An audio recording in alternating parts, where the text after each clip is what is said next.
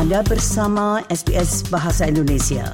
Dapatkan lebih banyak lagi cerita bagus di sbs.com.au garis miring Indonesia. Pendengar, berteman adalah salah satu tantangan terbesar yang kita hadapi di negara baru. Secara alami, kita cenderung membentuk jaringan pendukung dengan orang-orang dari latar belakang budaya yang sama. Namun, bayangkan mengambil lompatan dan memperluas lingkaran sosial Anda. Persahabatan lintas budaya akan meningkatkan pandangan Anda dan meningkatkan rasa kepemilikan Anda. Berikut sebuah rangkuman tentang hal itu yang disusun oleh Melissa Kompagnoni untuk SBS. Apakah teman Anda dari lingkaran budaya Anda sendiri? pengalaman migrasi bisa terasa sepi. Jadi dapat dipahami jika kita tertarik pada orang-orang yang sudah dikenal untuk mendapatkan dukungan dan persahabatan. Namun, melangkah keluar dari gelembung budaya kita sendiri menghadapkan kita pada sudut pandang yang berbeda dan memperkuat rasa empati kita. Persahabatan lintas budaya juga menyoroti kesamaan kita, kata pakar persahabatan dan migrasi Dr. Harriet Westcott. When people have migrated come to Australia, they would certainly very often connect over the experiences of migration. There are different forms of migration, so the reasons why people have migrated might be different, and people's migration passage can be quite varied. So, asking people about their experiences can be useful, but it can also be traumatic, so it might be something that you want to be sensitive about in friendship. Kita menemukan kenyamanan pada orang-orang yang berpikir dengan cara yang sama seperti kita. Demikian kata Profesor Catherine Gomez, spesialis komunikasi di berbagai komunitas di RMIT. Namun ada juga kekurangannya. Problem is that you're not expanding beyond the silo that you are caught in. So in a silo, especially when we think about getting information, what happens is that you think the same way as I do. So when it comes to information and perspective about living in your destination countries, what then happens is whatever my friend knows is what I know. And that becomes quite problematic because you're not actually understanding about how you are going to be living in this foreign country. Bagaimana jika Anda menemukan diri Anda dalam situasi kritis dan membutuhkan bantuan? Apakah Anda tahu bagaimana menanggapinya? Salah satu alasan terpenting untuk sosialisasi lintas budaya adalah pertukaran informasi. Demikian dikatakan oleh Profesor Gomez. This is probably the best example. Whenever you ask someone, what's the number to call for an emergency? Many people on instinct will tell you whatever number that they are familiar with. I come from Singapore, so to me, automatically it's 999. I don't automatically think it's triple zero having sort of people outside of that silo, you get to know information that's actually really quite critical to living in your destination country.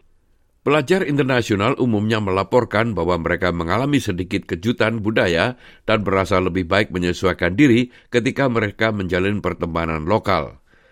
Namun, Profesor Gomez mengatakan bahwa mahasiswa internasional dari Cina melaporkan bahwa mereka tidak memiliki teman di luar lingkungan Cina. Bahkan teman-teman mereka adalah orang-orang dari Cina.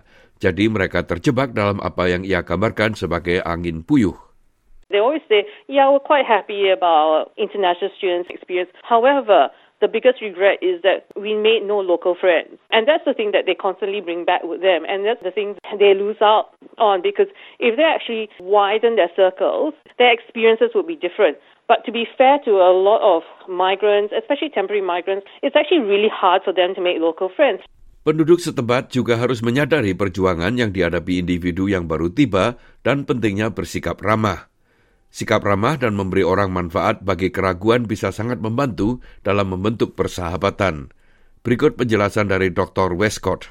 Because friendship's a voluntary relation where we might be wanting to make friends with people, but they might not want to be friends with us. That's not necessarily about us. It's just about the fact that their lives are busy. So if we just maintain that open spirit and treat it like a journey, we will meet people who are interested eventually. Orang-orang yang dilahirkan dan dibesarkan di Australia juga dapat eksis dalam gelembung budaya. Mantan siswa internasional dari Rusia, Max Takencho, merasakan kenyataan pahit itu ketika ia baru tiba di Australia.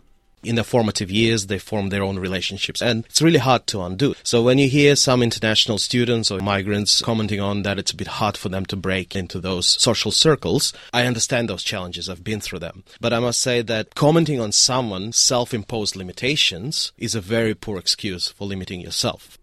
Jadi, apa yang mendorong Chakenko untuk mengeksplorasi persahabatan di luar gelembung budayanya?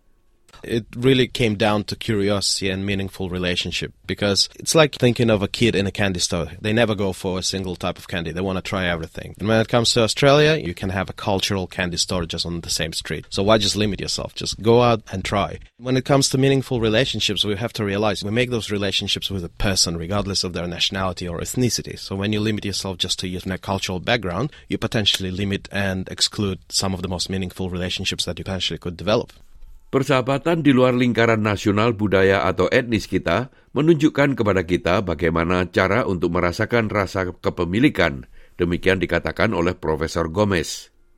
If you have friends who are Australian, for example, that sense of belonging is actually much greater. Now, if you're hanging out with people who are exactly the same as you, you're not immersing yourself in the experiences of the place that you are in, but rather you are just moving from your home country to wherever the scenery looks a bit different. That's about it.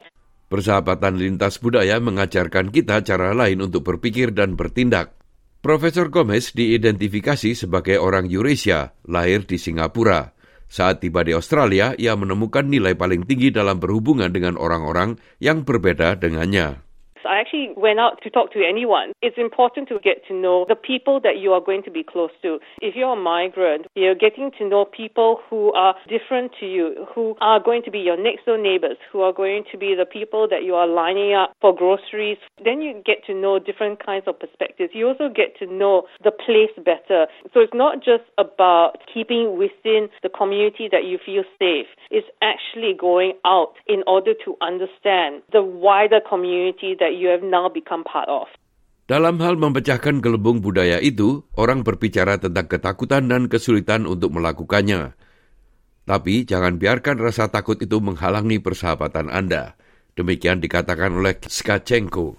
It's like what you fear is the things you're going to miss out on the other side of the fear. Have you ever seen a kid learning to walk? It's one of the most difficult skills that we ever learn, but we never see a toddler give up. They try and try and try, and then they walk and they run. So I say just push through the fear and get to the fun stuff. You just gotta get out there, crack a joke, break the ice, and very soon it won't matter whether the person is Australian born or they came here. We're all Aussies, you know, so just get out there, chuck a shrimp on the barbie, crack the beer open, have fun.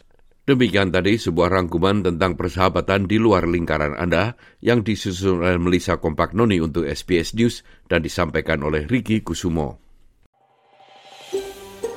Anda ingin mendengar cerita-cerita seperti ini? Dengarkan di Apple Podcast, Google Podcast, Spotify, atau di mana pun Anda mendapatkan podcast Anda.